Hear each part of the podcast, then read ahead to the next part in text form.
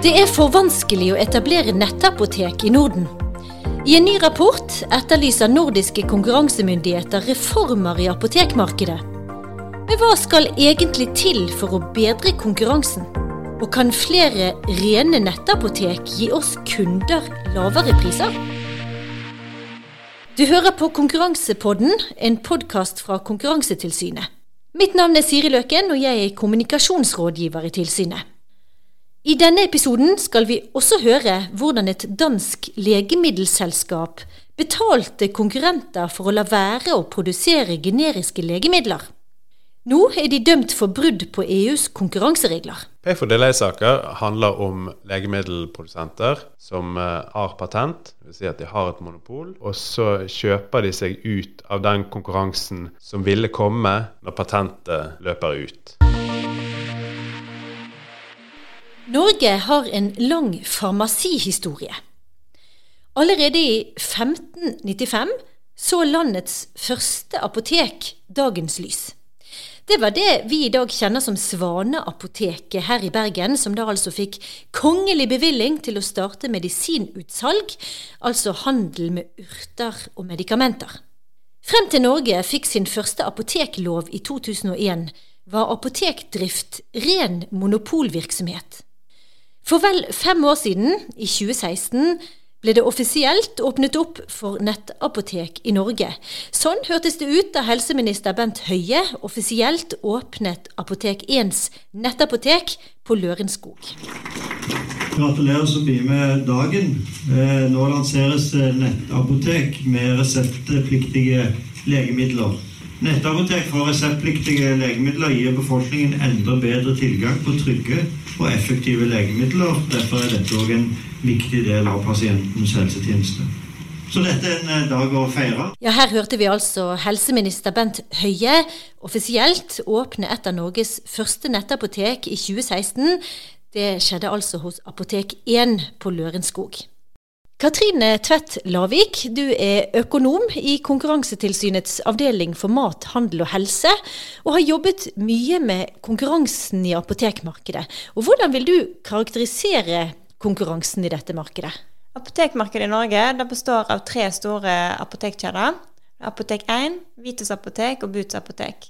Hver av disse er såkalt vertikalt integrerte, og det vil si at de bl.a. har sine egne grossister.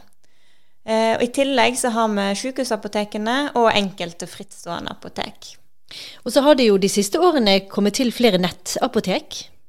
Eh, ja, etter at det i 2010 ble tillatt å selge ikke-reseptpliktige legemidler på nett, og i 2016 òg reseptpliktige legemidler på nett, har det kommet flere nettapotek i markedet. Eh, men markedet er altså sterkt konsentrert med tre store aktører. Og det vil bedre konkurransen å få flere aktører inn i markedet, og kanskje ulike typer aktører, sånn som f.eks. nettapotek. Men du, hvordan har utviklingen vært ja, de siste 20 årene? Ja, For 20 år siden så var det jo en deregulering i apotekmarkedet. Fram til 2001 så var det myndighetene som bestemte hvem som skulle få eie et apotek, hvor apoteket skulle ligge, og hvor mange som fikk eh, konsesjon. Eh, etter endringene i 2001 så ser vi en eh, betydelig økning av antall fysiske apotek i Norge. Og samtidig ser vi i denne perioden at antall selvstendige aktører i markedet har vært eh, betydelig nedgående. Eh, og nå har vi jo disse som nevnte i stad, disse reguleringsendringene i 2010 og 2016 gjort at medisin kan eh, selges over nett. Så det betyr jo at disse tradisjonelle markedsaktørene med fysiske apotek har òg fått konkurranse fra netthandelsaktører. Tidligere denne måneden så publiserte nordiske konkurransemyndigheter en felles rapport om apotekmarkedet.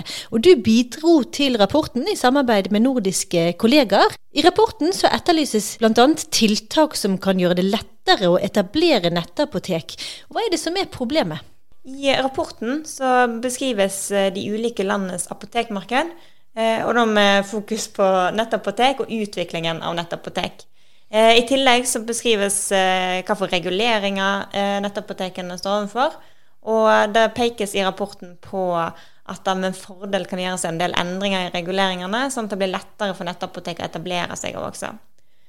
Og Et eksempel på dette er at det i dag er et krav om at apotekene som tilbyr netthandel, òg har et fysisk apotek.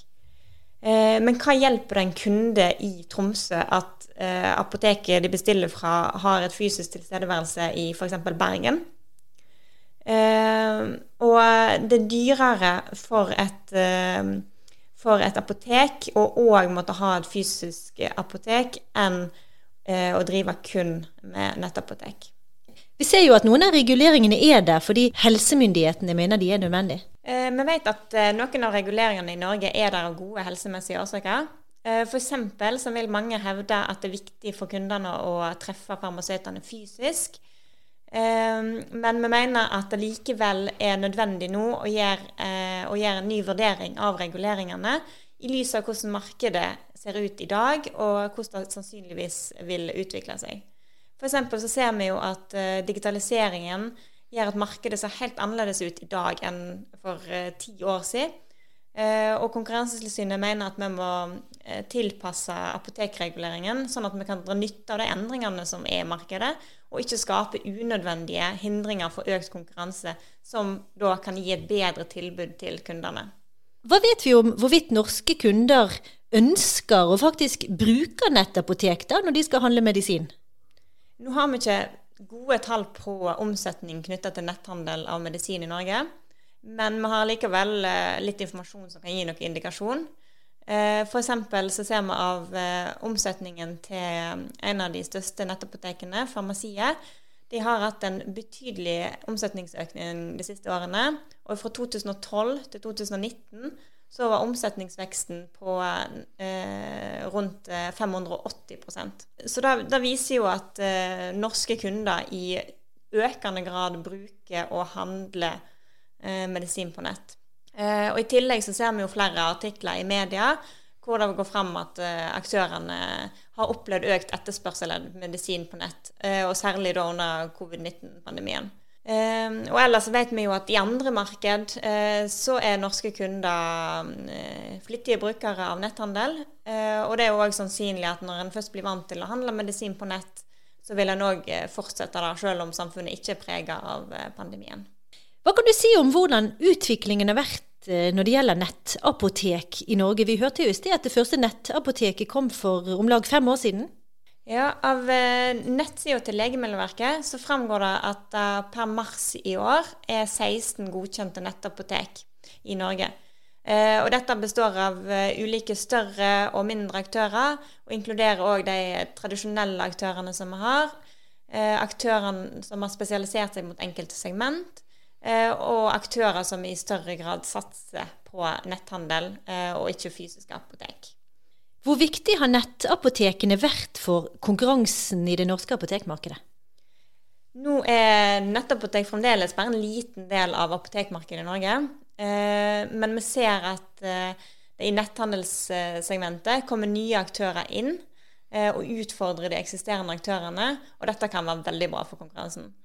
Økt konkurranse kan gjøre at aktørene må tilby bedre tjenester for å faktisk vinne kundene.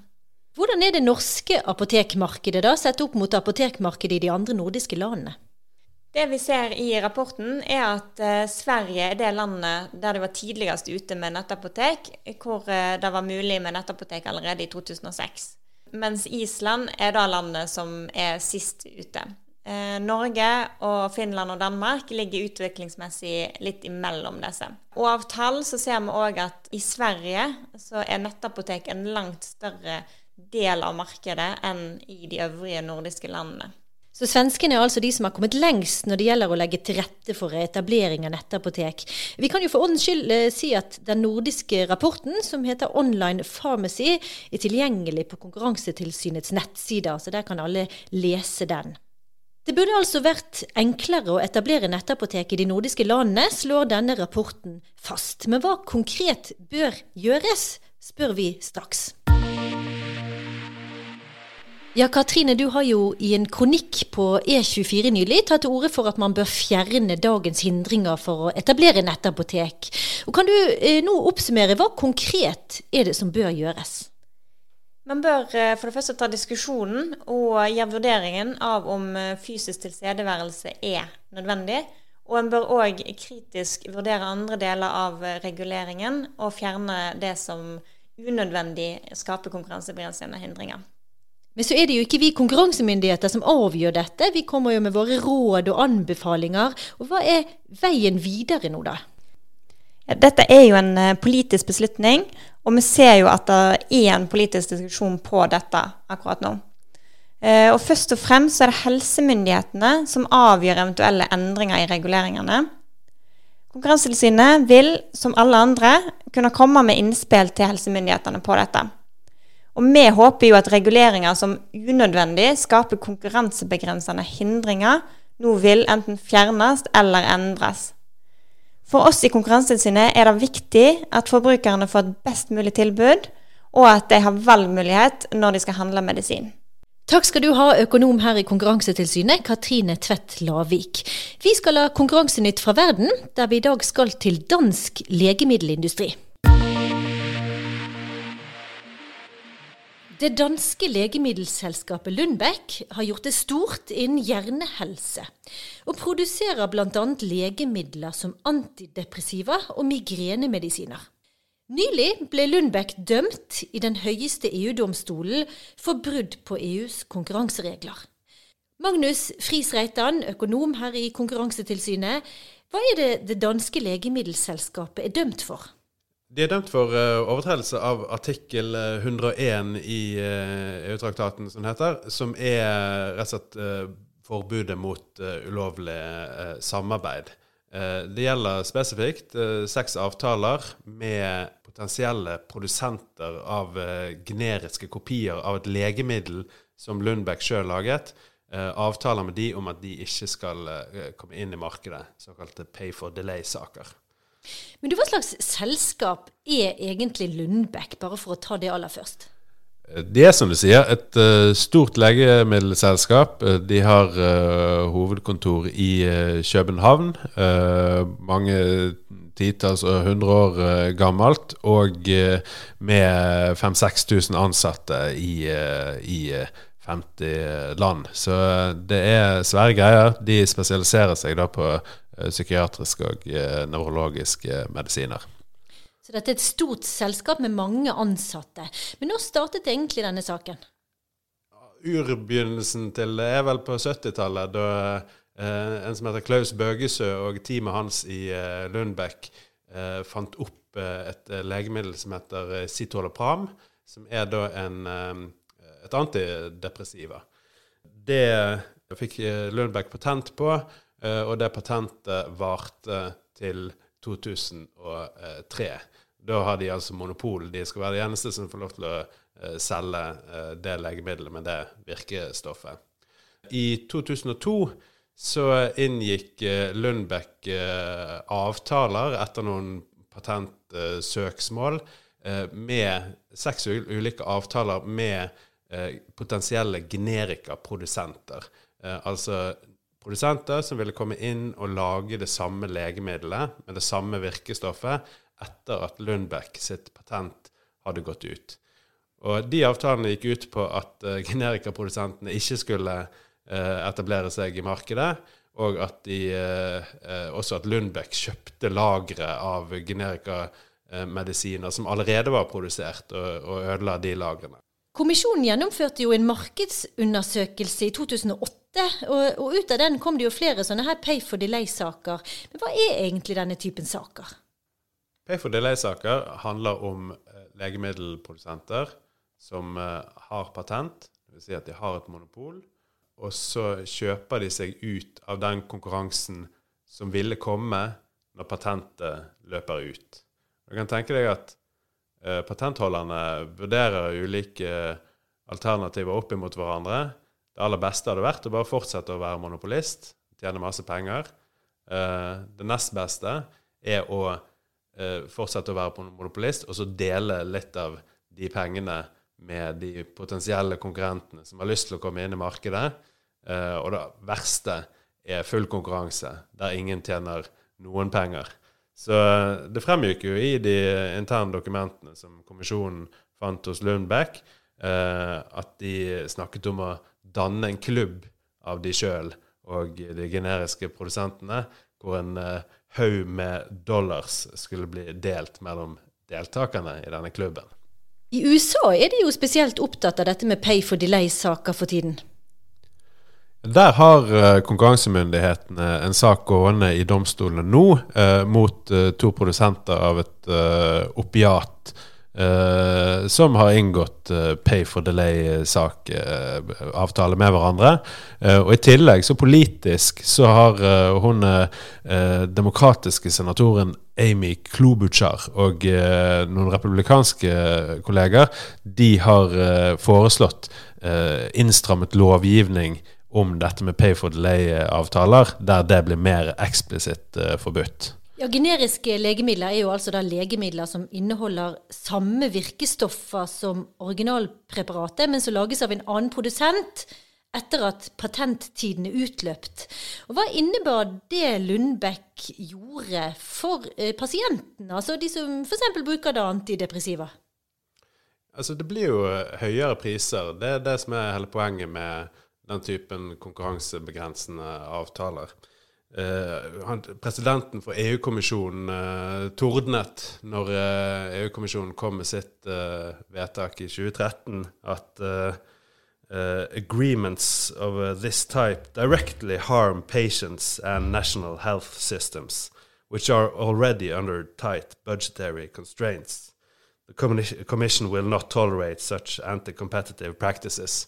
Så eh, det skader, det skader helsemyndigheter, og det skader uh, pasienter.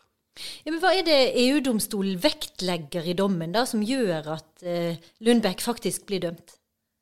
For det første så sier de at det var et spørsmål om disse her er egentlig potensielle konkurrenter eller ikke. Og det slår, slår EU-domstolen at generikaprodusentene var potensielle konkurrenter til Lundbekk. Eh, så sier det litt om hva som må til for å regnes som potensielle konkurrenter. da. På den ene siden så må ikke det være uoverstigelige etableringsbarrierer for å komme inn i markedet. Og Da er du ikke en potensiell konkurrent. Da kunne du uansett ikke utfordre eh, Lundbekk. Eh, på den annen side så må det på, for generikaprodusentene sin side De må ha eh, evne og vilje eh, til å klare å komme inn i markedet på en meningsfull eh, måte. Um, og så peker de også på at eh, bare det faktum at eh, Lundbekk inngikk disse avtalene eh, med generikaprodusentene om å ikke komme inn i markedet, viser jo at de var potensielle konkurrenter. Hva var vitsen ellers? Altså, Lundbekk gir de tross alt masse penger for ikke å komme inn i markedet. Ja, Hva innebærer da denne dommen både for selskapet, men også for legemiddelindustrien? Legemiddelindustrien så har de etter hvert en god del praksis fra domstolene om uh, sånne pay for delay-saker. Vi venter ennå på én stor dom i uh, saken mot uh, Servier og en rekke andre selskaper. Men ellers så vet legemiddelindustrien etter hvert nå ganske godt hva som er innenfor, og hva som ikke er innenfor når det gjelder denne typen avtaler. Um, når det gjelder Lundbekk sjøl, så betyr dommen at boten de fikk fra kommisjonen på 94 millioner euro blir uh, stående. Uh, og så får vi legge til grunn egentlig at uh, altså dette skjedde i 2002, og forhåpentlig så har de vel endret praksisen sin for lenge siden. Takk skal du ha, økonom her i Konkurransetilsynet, Magnus Friis Reitan. Det var det vi hadde i denne episoden av Konkurransepodden. Du finner flere nyheter fra Konkurransetilsynet på våre nettsider. Og Der kan du også melde deg på vårt nyhetsbrev. Følg oss gjerne også på sosiale medier, Facebook, LinkedIn og Twitter.